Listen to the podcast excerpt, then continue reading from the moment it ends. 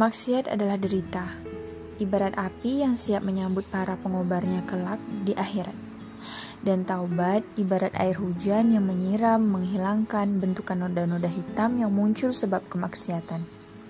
Sedang kita adalah tanah, yang dengan siraman hujan menjadi subur, yang dengan tetesan embun menjadi berkilau.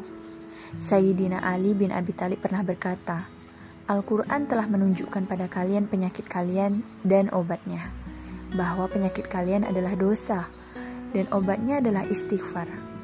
Sebab itu kawan, jangan biarkan diri kita semakin menggersang sebab panas yang muncul dari kemaksiatan.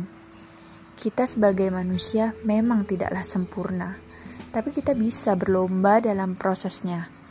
Maka, ampunan janganlah berhenti untuk diminta.